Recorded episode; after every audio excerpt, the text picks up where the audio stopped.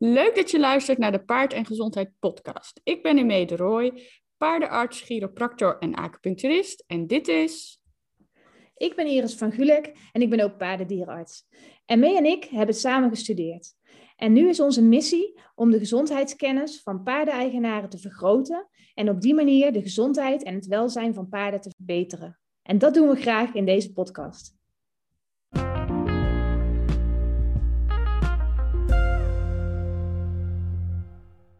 En vanavond mogen we weer een vraag beantwoorden ermee. Ja, superleuk. Ja, deze vraag hadden we al een tijdje geleden ingestuurd gekregen.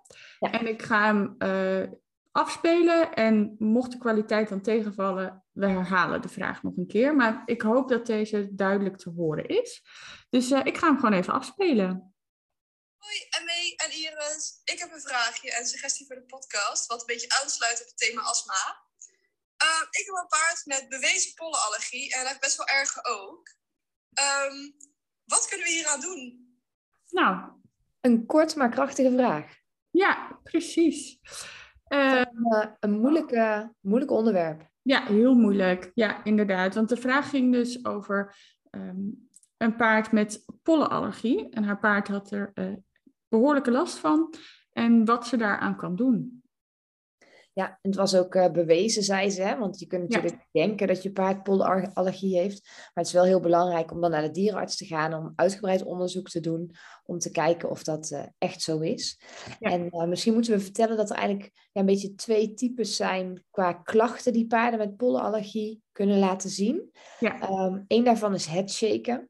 En met headshaken, ja, de term zegt het eigenlijk al. Dan schudt je paard met zijn hoofd. Ja.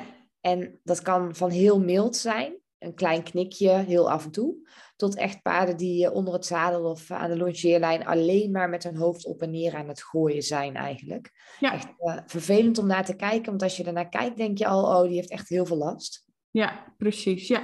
En uh, de vraag van de uh, luisteraar, uh, ze zei ook van het sluit aan op, op het thema astma. Um, dus ik ga ervan uit dat haar paard meer inderdaad het hoesten en het proesten laat zien. Uh, want dat kan dus inderdaad ook een andere uh, vorm zijn van ja, de allergische reactie dan op pollen. Ja, en um, ja, beide zijn eigenlijk even vervelend, of in ieder geval voor het paard niet fijn. En ook ja, qua behandeling erg lastig. En daarom stelt ze die vraag denk ik ook wel. Ja. want het punt is dat je die pollen niet echt weg kan halen. En die pollen die komen uit planten, grassen, uh, bomen. Dus het is ook heel erg wisselend per paard waar ze nou allergisch voor zijn. Net als mensen met hooikoorts eigenlijk. Ja. En, uh, ja, er zijn echt seizoenen, dus dan staat het ene in bloei of het andere in bloei. En dan hebben ze meer of minder last. Uh, en het is heel moeilijk om die uit de omgeving te bannen. Ja. Dus een van de tips, en dat is niet de tip die je wil horen als paardeneigenaar, is uh, je paard van de omgeving laten wisselen. Ja. En soms hoeft het helemaal niet zo heel ver verderop te zijn. Kijk, als je paarden aan huis hebt en je krijgt van mij de tip om je paard van omgeving te laten wisselen, dan is het een beetje lastig. Uh, maar sta je op een pensionstal, dan heeft het soms wel nut om een pensionstal vijf kilometer verderop te zoeken. Gewoon omdat daar andere uh, gewassen omheen staan eigenlijk. Ja, precies, inderdaad. Dat is een van de dingen um, die je kunt doen. Uh, iets minder rigoureus is uh, je paard op stal zetten. Op de in de periode dat uh, er bijvoorbeeld inderdaad net het type gras bloeit waar jouw paard last van heeft. Of de bomen die langs de wei staan. daar heeft je paard misschien dan last van. dat kan een oplossing zijn, of in ieder geval een soort van oplossing. De meeste mensen willen hun paard natuurlijk liever niet op stal zetten. Uh, maar mocht je paard bijvoorbeeld heel erg staan schudden of staan hoesten of proesten uh, van de pollen, kan dat wel degelijk uh, verlichtend zijn voor je paard op dat moment. Ja, zeker.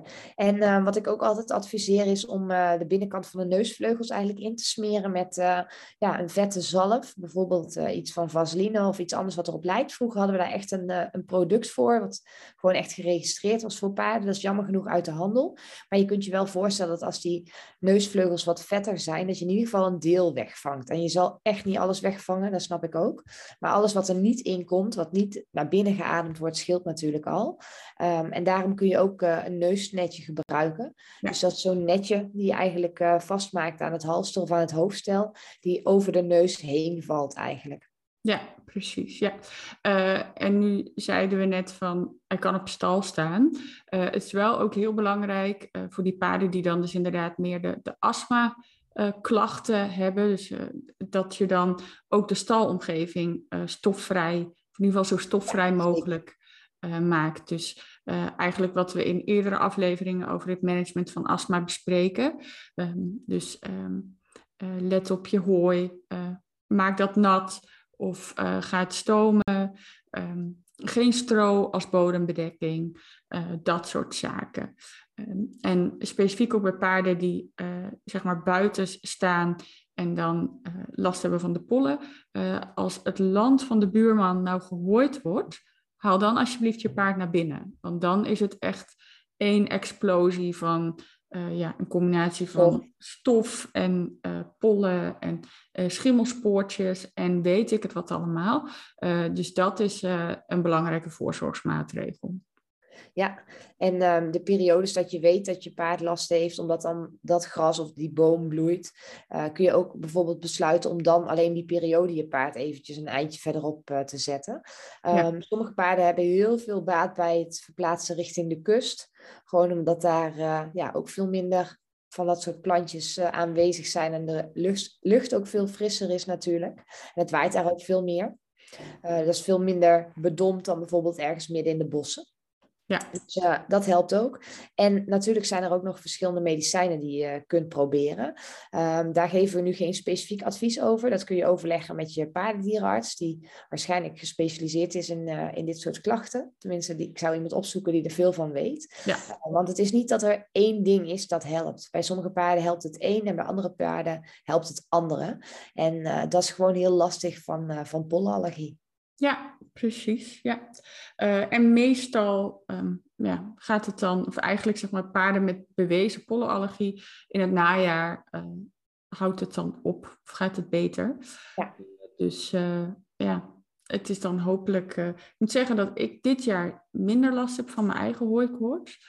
dus ik hoop dat het voor heel veel paarden ook zo is. Ja, misschien heb ik geluk dit jaar? Ik weet het niet. Misschien is de hooikortsradar ook wel iets minder, maar je merkt vaak wel uh, dat je daaraan ook, uh, dat paarden daar ook op reageren. Dus je hebt zo'n hooikortsradar en als dat getalletje omhoog gaat, uh, dan hoor ik wel eens van bepaalde klanten van, oh ja, mijn paard heeft er nu weer heel veel meer last van, van het headshaken of wat dan ook. Dus ik, um, ik weet niet of ik toevallig de enige ben die er minder last van heeft dit jaar, maar...